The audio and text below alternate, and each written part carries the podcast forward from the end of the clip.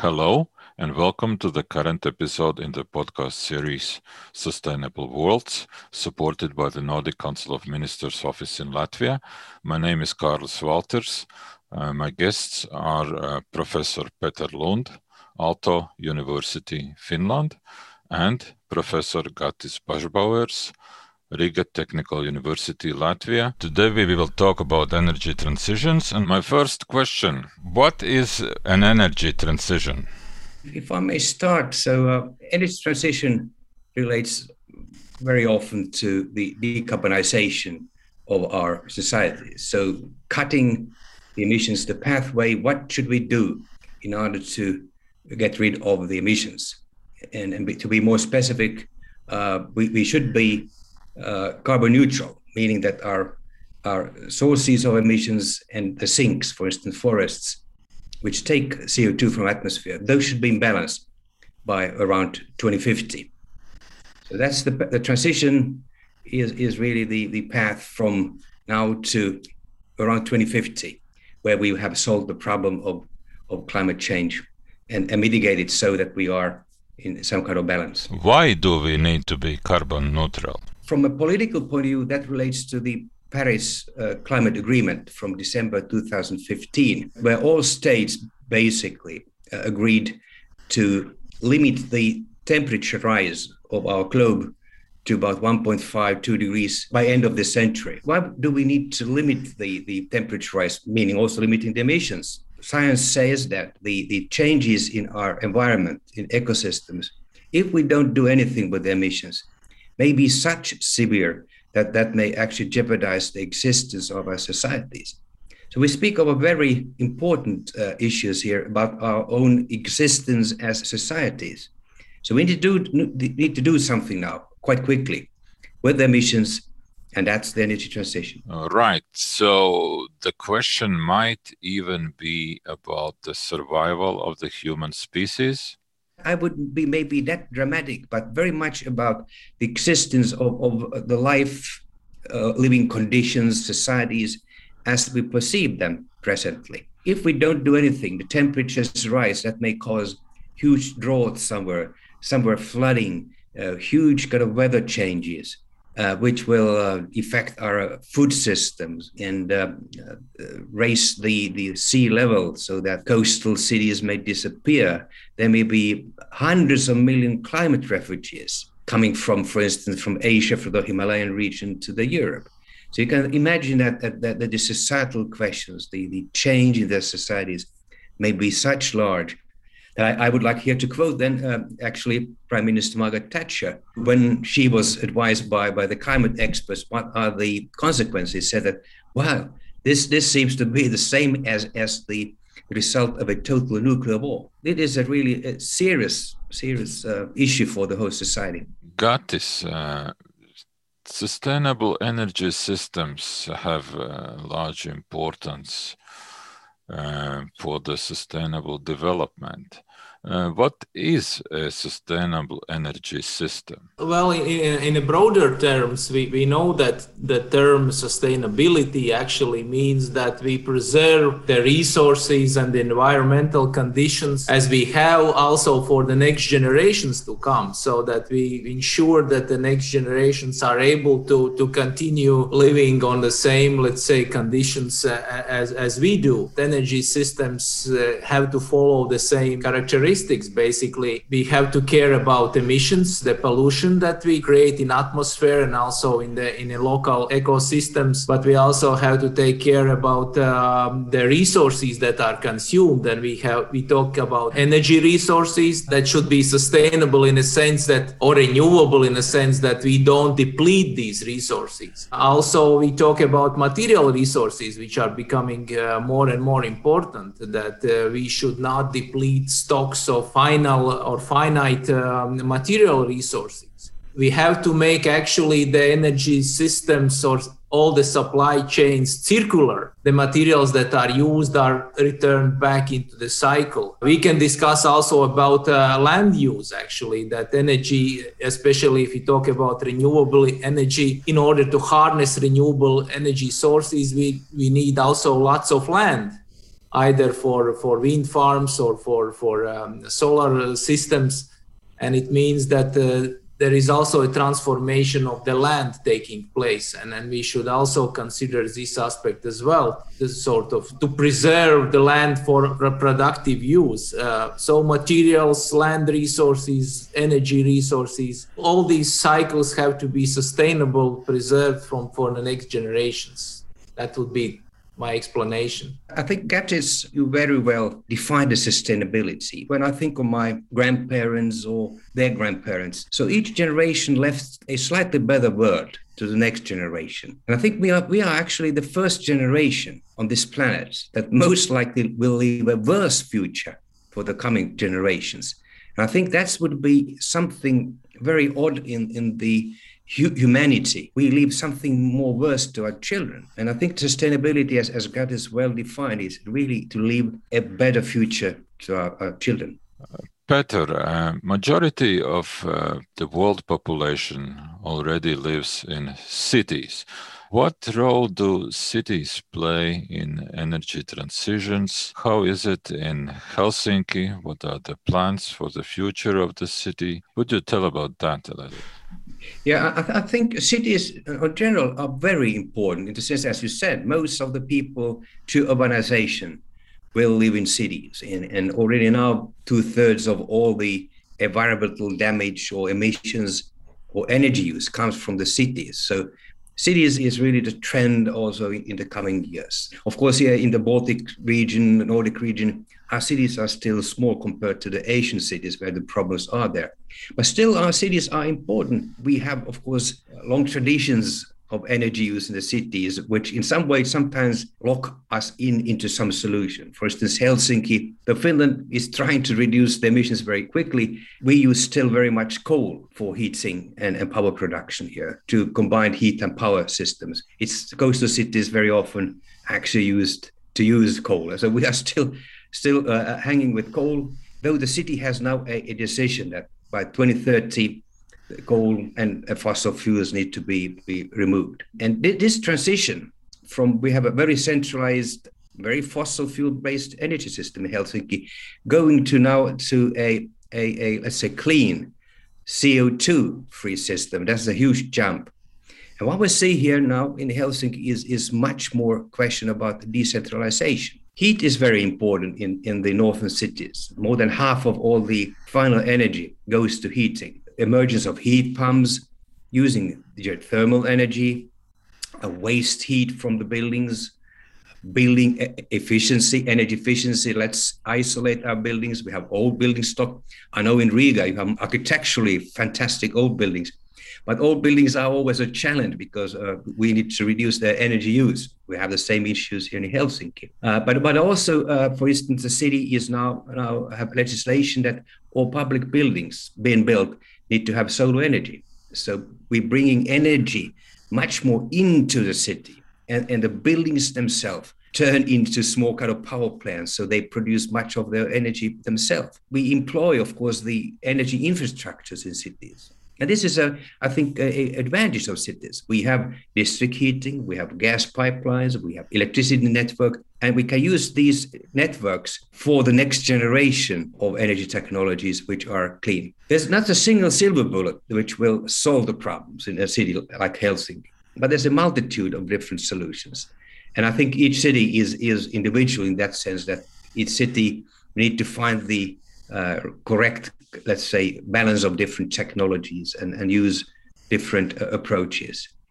But again, cities, that is the key definitely for when we go forward uh, uh, zero emissions. I would like to add uh, to the to what Peter said that I, I, think that Peter is absolutely right that probably most important transformation will take place in in a building sector, which is a very large large consumers, and also in a, in terms of mobility. I think we will see a very interesting transformation of mo- of modes of mobility in within the cities. Uh, we can already observe how fast technologies like electro scooters diffuse into the into the cities. So walking, cycling, um, you know, electric mobility solutions will, will come into cities. Yeah, I, I think that is that's, that's completely right. So let's say buildings and transport. That's for the cities the most critical. I mean, of course, we may use electricity very often. Now we see this electrification. We may have uh, wind power somewhere on the shore sides and then transfer the uh, power to the city. Use that for electricity, but also to help use electricity for heating through heat pumps or to electric mobility and transport sector. So I, th- I think that is a really, uh, as Gatis point out, that's that's the key. Transport and buildings, focusing on those will solve very much of our energy problems in, in, in, the cities, definitely. Clean energy is morally right towards our planet. It makes sense, quite simply.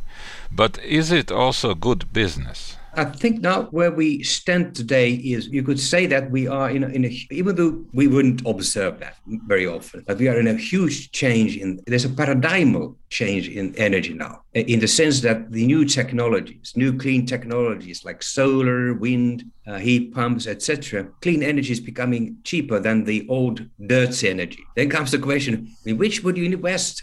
In old dirt energy or in clean new energy. And this change is taking place, and we see that the markets of new technologies, solar, wind, electric vehicles, heat pumps, it's really exploding. And this transfer is taking now place globally. Though, for instance, here, taking example of solar energy.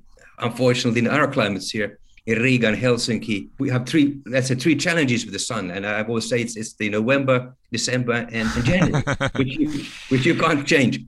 But taking, for instance, the, the, the Gulf region, going really south to the Sun Belt, uh, the just recent news about solar energy, the price of solar energy producing electricity is one cent per kilowatt hour. It's the cheapest electricity what you can think about on, on this globe. This change from old to new will create a lot of uh, economic opportunities. And for young people, this is really the, the case for jobs creation, finding a jobs here. Technologies also create a lot of services. The solar panel alone doesn't is not enough. We need a service. Somebody has to plan it. Somebody has to take care of the solar energy. Maybe somebody has to sell the electricity from the plant. So there's a, a broad value chain which takes place when the technology comes. And I think here is, really the, the great opportunities for our, our youth to find interesting working opportunities. Peter uh, mentioned that uh, that actually who would invest in, in, in, in, let's say in old dirty technologies now that new renewable technologies become more and more uh, interesting and, in, and competitive and it's very important to understand that actually business will move where the demand is, so that business will follow the market demand. And we can see that actually there, there is a growing demand in the market for green technologies.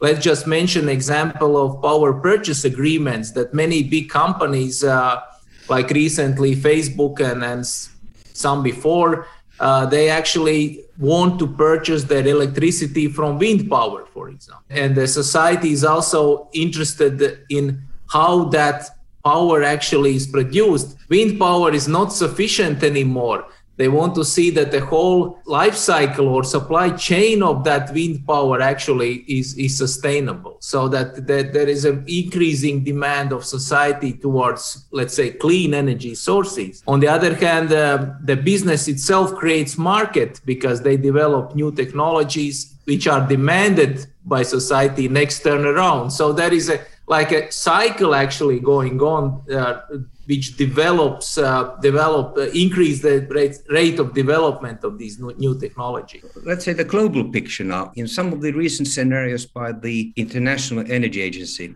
which is one of the key uh, scenario makers the iea they now foresee that solar will be the new energy king so by 2040, which is not very long time from here, 20 years from now around, they foresee that solar energy could produce 20, 25% of all electricity globally, which is a huge amount. And wind and solar together maybe 50% of all electricity in the next 20 years. So, so the change is huge when we think that still 80% of the energy is fossil fuel. And, and that means that, that this demand of the new technologies is so huge that will penetrate then globally and, and make a major major change indeed. Before we um, uh, talk more about uh, particular energy technologies, you mentioned this uh, decentralized uh, energy production, and there is also the word prosumer. What does it mean? When we speak about new technologies in energy, uh, they, they, differ very much in, in terms of their physical appearance from the past energy, where you have large power plants. Take a solar panel or, or solar energy system, you can put it on your own roof. Or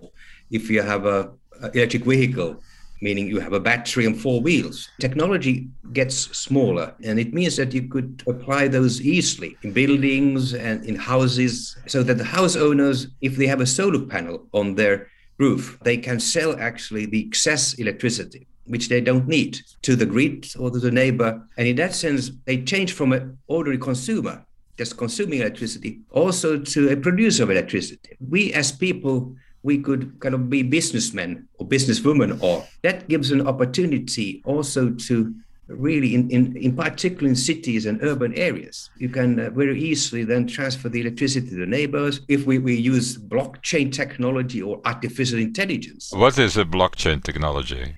Blockchain uh, uh, is very much about a way to to make the business of prosumerism uh, so uh-huh. to say. In this context it would be the bookkeeping.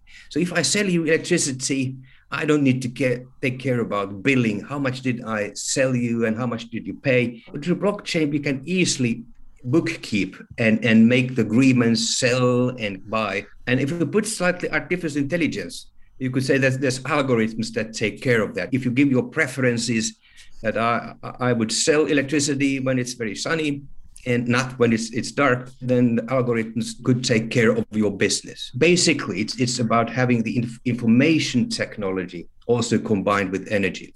So this digital revolution, which is another story, that is also on the top of energy. You can use your mobile phone maybe just to already then to regulate your house or if, if you have tariffs you can of electricity you can say okay now at two o'clock i will sell my electricity I shut down my house. Does it also include big data, so called? Indeed, big data comes into the picture. In particular, if I would take, let's say, slightly larger uh, entity, so many prosumers, a block of houses or a suburb or even a city, that's where with big data you could kind of optimize, predict energy use, optimize the energy system. And you might, could even uh, predict when there's a blackout, maybe we, we see there's a dip in, in, in production or a dip in demand. And that would help us to optimize the energy system. So big data, machine learning, artificial intelligence, this is also a very important part of the these new technologies. And, and uh, people start to see those already in their own applications. Maybe, maybe when you have some health information on your mobile phone, which tracks your health. Now in the future, there's somebody who tracks your energy and makes, makes some decisions and there's algorithms helping you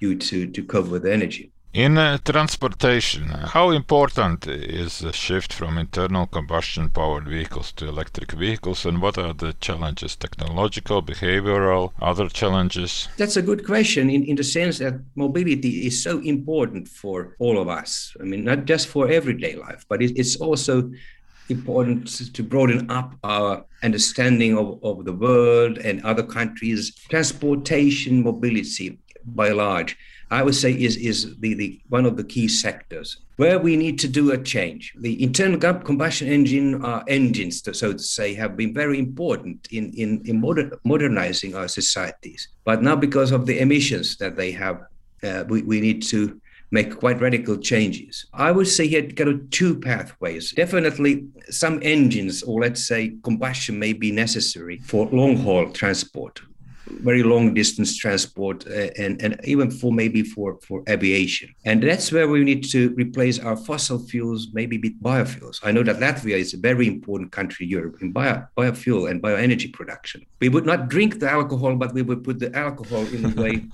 as a gasoline to make it simple. But then, in terms of, of uh, our city transport, or let's say personal transportation, cars, vehicles, light duty vehicles, battery technologies, and the progress in battery technologies has helped to create the vacation of transport. We see electrical vehicles now coming rapidly on the market, the price is coming down. Everything but is, let's say, shorter distance and personal transportation, or even uh, having an electric bike. Why not going for electric bikes? That's, that's definitely where, where electricity and batteries will play a role. These are, of course, technology changes. In addition to that, maybe maybe some structural changes. And it means the role of public transport, uh, the role of railways, etc trams, etc. So it may be that we need also larger, some structural changes, not just changing a combustion engine car to a electric car, but there may be some uh, more, more structural changes that we may need need to do also in, in cities in particular. You uh, both uh, have a co-authored a paper published in a journal with a high impact factor, a review about energy transitions and particularly using a system dynamics approach. Gati, could you explain what is system dynamics uh, briefly and how how this uh, method, this modeling can help uh, understanding all the aspects, all the, the driving forces and etc. in energy transitions? Well, uh, system dynamics is uh, is really approach uh, of analyzing complex dynamic systems. So something that changes with time. And in system dynamics, you analyze these systems with help of stocks and flows. Basically, what you do is that you can actually portray, I would say, almost any process in nature or technical systems or societal systems as consisting of stocks and flows. In stocks, we there is an integration or, or summation take place so that something stocks can be filled up or depleted, and flows change these stocks. That's a system dynamics in nutshell. So uh, it, uh, the theory was was actually created by Jay Forrester at MIT in the beginning of 50s last century. Jay Forrester was actually engineer and, and, and basically there was an engineering approach to this. control theory is basically the basis of the system dynamics. It was applied to the managerial uh, and economic problems, policy making problems. Uh, so with this approach, we actually also are able in, in, in to model quantitatively problems that uh, involve society in a way. So we, we can actually quantitatively try to model uh, behavioral aspects of energy transition. And that was the reason we, we uh, approached system dynamics also to analyze uh, the potential pathways of, of energy transition. I would say that it, it's, it's very challenging because modeling of society or people behavior is, is very complex. We don't have enough information, we don't have enough data. You cannot really put a thermometer and measure a temperature in society. So it's uh, there are different uh, approaches that you have to take, but uh, still we can get very good insights of what the potential dynamics which comes out of the specific structure could be. So that we are interested in system dynamics to understand the structure of the system that generates a certain behavior. We usually we address a behavior we don't like something which happens in time and we want to change that behavior. We don't like that behavior. We want to change that trend. And then we try to understand what is the structure that generates that behavior and if you understand that structure, then you can make some changes in a structure, and that's that's the way to change the behavior. And the structure is built with help of this system dynamics model. That's the approach talking about energy and studying energy transitions. There are economic, there are policy, technology, behavioral factors. It is a complex dynamic system, right? Yes, and, and by complex, it means that there are accumulation in the stocks taking place. Uh, there are delays because we know in a real life uh, nothing changes instantly. There is time needed to, to, to make some changes. So there are delays. There are feedback mechanisms in a real systems, and we also incorporate them in, in this system dynamics model. So that that makes it complex. And for us, it's it's almost impossible actually intuitively to say what the dynamics could be of a, of a complex system. So we have to model it to understand what the, what these resulting dynamics uh, could could be. Gatis uh, explained system dynamics in a very good way, and and I, I think it's, it's good to also to add at Riga Technical University is one of the leading institutes in in Europe on system dynamics. Institute of Energy Systems and Environment. Absolutely. So, so, it's always a, a, a, pleasure to collaborate with, with them on, on these, these models. And indeed, energy is, is a huge, very complex. As you said yourself, it's an interaction between technology, economy, people, environment, politics. And how do you model that? Normal mathematical models that doesn't work. Everybody understands that one plus one is two. But if I ask you what is one plus B plus black, I mean, you, you can't say what it is. But the system dynamics model can tell you what is one plus B plus black. And, and this is the way system dynamics modeling has helped us, with the help of our colleagues in Riga, really to open up relations and, and interactions between different systems levels, economy and politics, which, which we couldn't have done before. So that's, uh, I think, is a very valuable addition to the energy transition science to bring us in an optimal way from where we are to our goals for, for carbon neutrality in the future. Peter, uh, you have uh, done and you are um, doing uh, world leading research in different energy technologies. Could you tell mm, a little about some of the most interesting advances and innovations in energy technologies?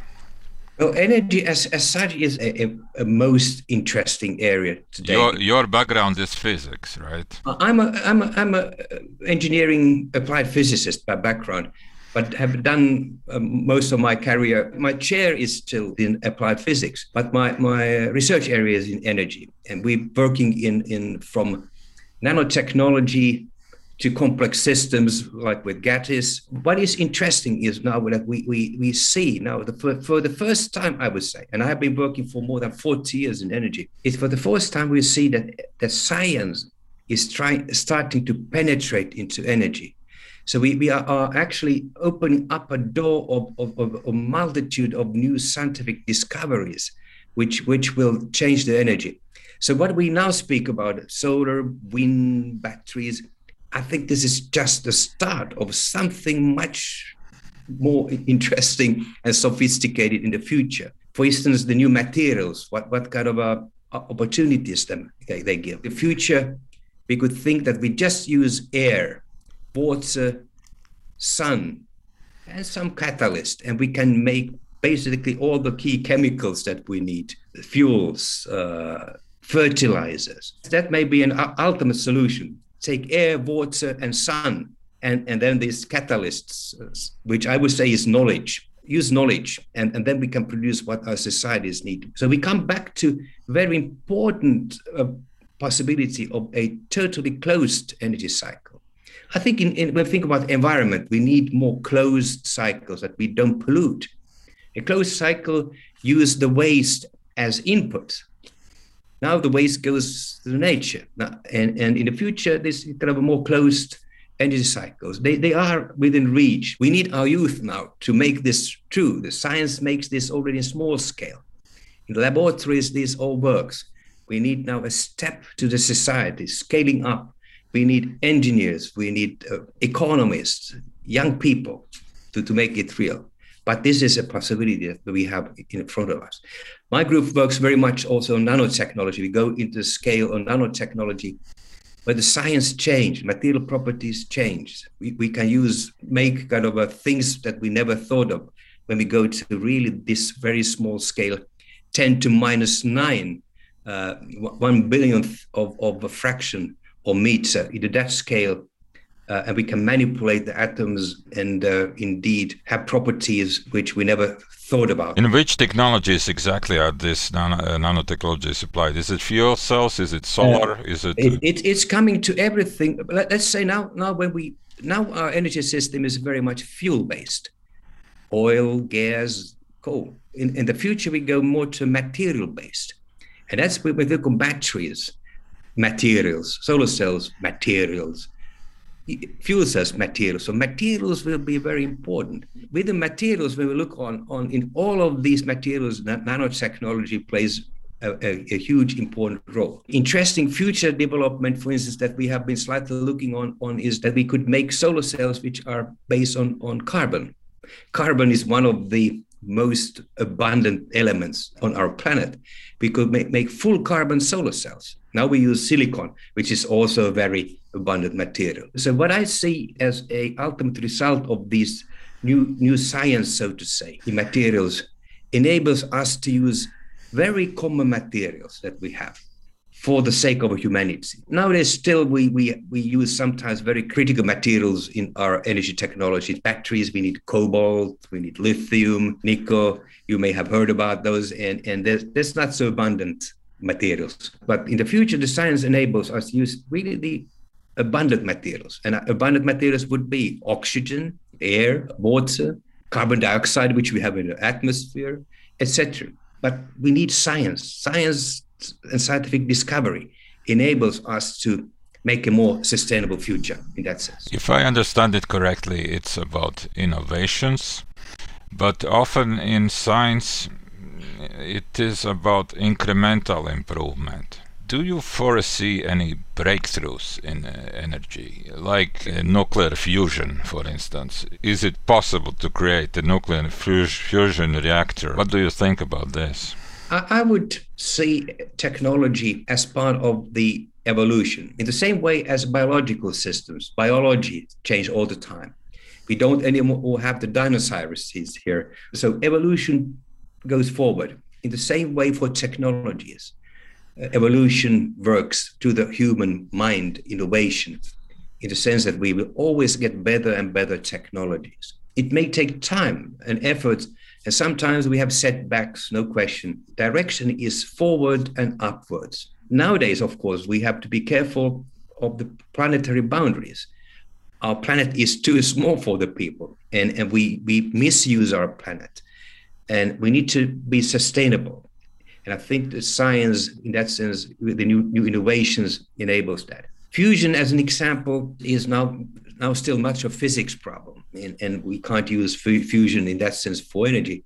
But I'm sure that that will be solved by by the end of this century. Uh, we would have a fusion also uh, uh, uh there but there's a, a, range of other technologies, and I, am really looking on this kind of a new solar fuels, which can use air and solar, sun as, as the base materials to create our fuels which we need, and much of the chemicals that we need. There's a, a myriad of, of possibilities which we may just see in the horizon.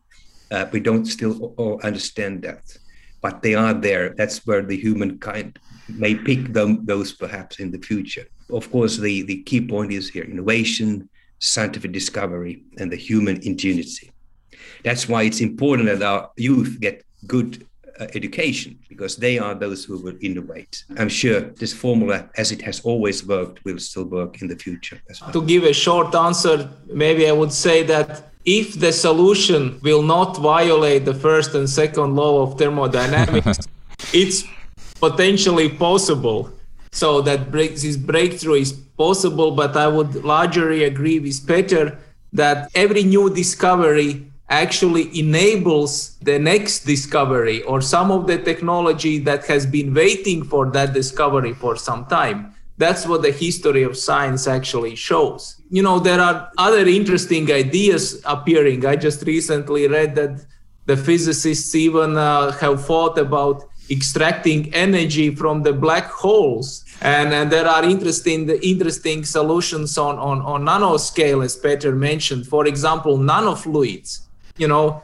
osmotic processes, uh, membranes to, to, to extract energy from, from um, freshwater rivers meeting the salty seawaters. And you can, this concentration of salt convert actually into energy by using nanofluids. So there are whole bunch of different interesting uh, ideas that scientists are working on. And and i would say that this synergy between the technology and our digital skills and, and artificial intelligence and machine learning actually even speeds up the possibility of discoveries. Because we can see that potential of modeling that we have now with supercomputers and with the algorithms that we can have now actually helps us to, to model things, to let's say make a models of the real systems that help us to make the new discoveries faster. There are self-propelling processes, I would say, that that allow us to model and discover new materials, new processes, and and and move on. What I think is also important to think uh, on on innovation and possibilities in a time frame. First, energy innovation that the humans did was was the fire, and that was about one million year ago.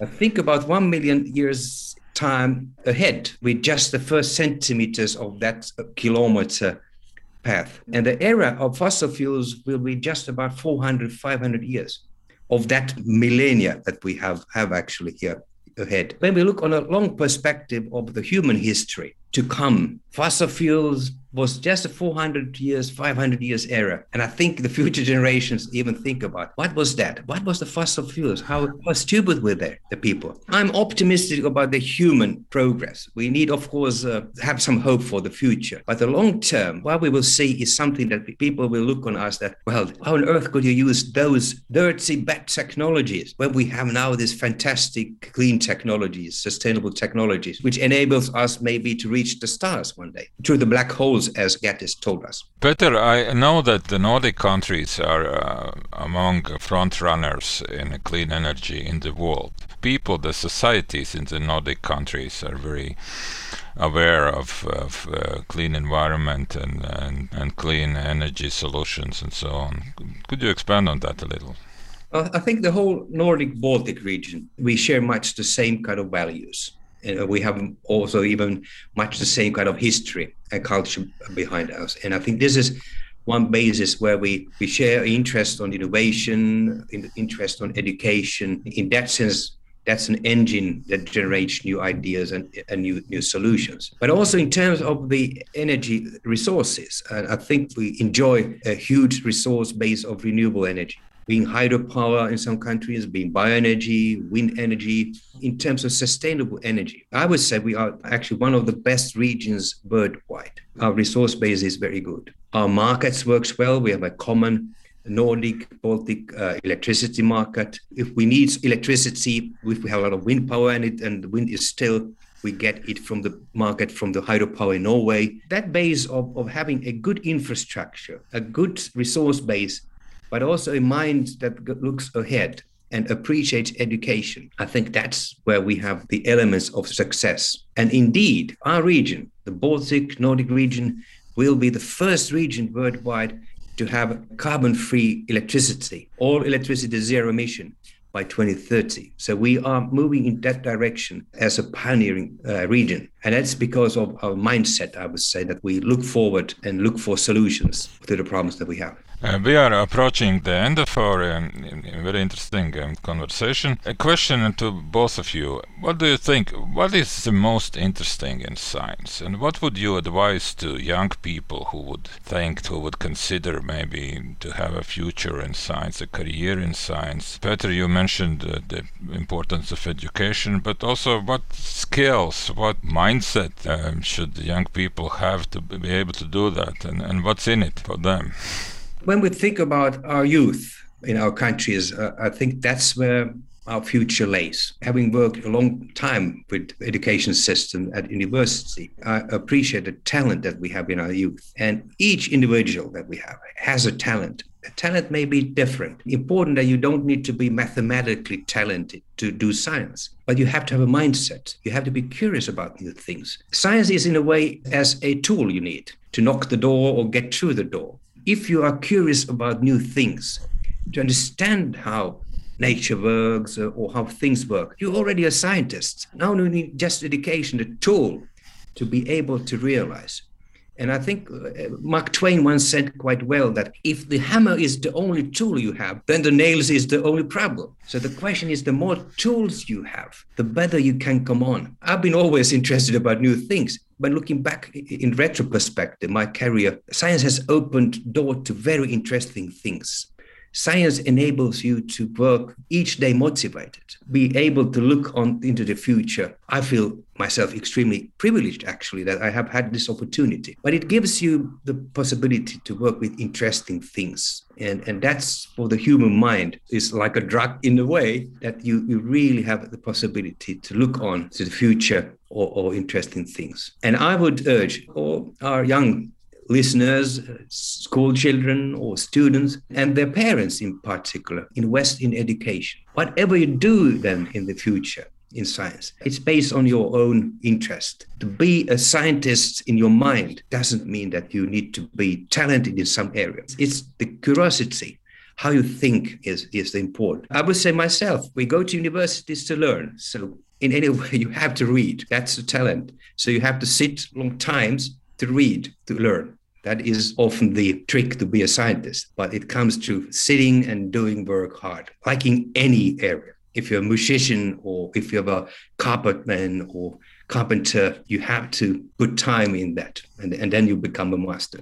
I couldn't say it better than Peter said, and uh, I, I just want to stress really that uh, on the last thing uh, Peter said that you really have to be very patient because results do not come very fast. Uh, sometimes they come very slow. But if you are curious and if you like what you do, you can be patient and you can work for long hours and, and learn. I just wanted to add that actually that probably with the latest events with the pandemic that we have, maybe there are there is some shift in society of understanding or perceiving the importance of the science that we can see that actually we have to rely on science to solve the grand societal problems the global problems that we have in the future we will face more and more challenges that we will have to solve with help of science.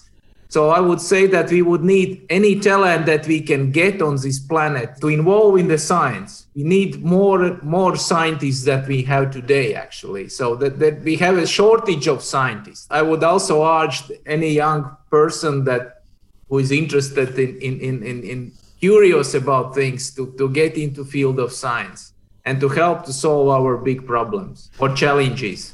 Uh, thank you. Um, any final thoughts? Uh, what would you like to say to the listeners regarding sustainability, regarding sustainable energy? A lot of these things, what we talked about, are being done by scientists, are being done by regulators. What can people do uh, in this um, matter? I think this is a good question because without involving us all into the change, there will not be a change. So, in practice, people make the concrete decisions on doing something. It's important to realize that we, we very often proceed in steps. Take a few steps forward. We don't solve the, the whole problem of sustainability in one time.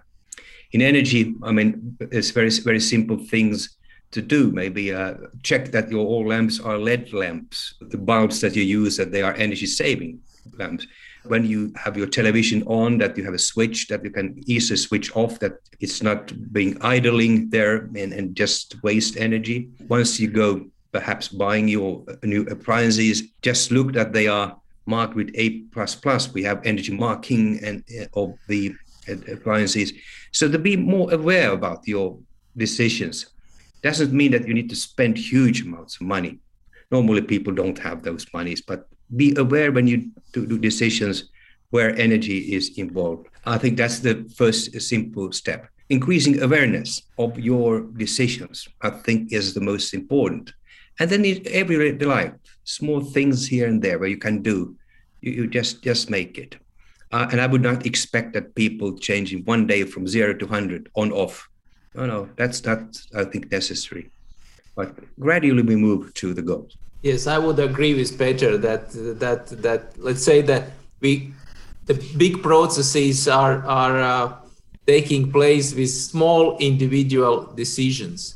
So our individual decisions, day-to-day decisions are, are very important. Our choices, our preferences, and we have to be aware how that how these choices uh, affect our planet, affect our energy systems and consumption of resources. And and technologies are already there. We have many good technological solutions uh, and we probably have to be also allow us to experiment more actually to be brave in, in trying new things and to experiment with new technologies to learn how to use them to adapt these new technologies. We discussed prosumerism for example. We probably some point could could make a decision. Maybe we can have our solar cell installed and, and our electric car charged with that. But it will take time of course.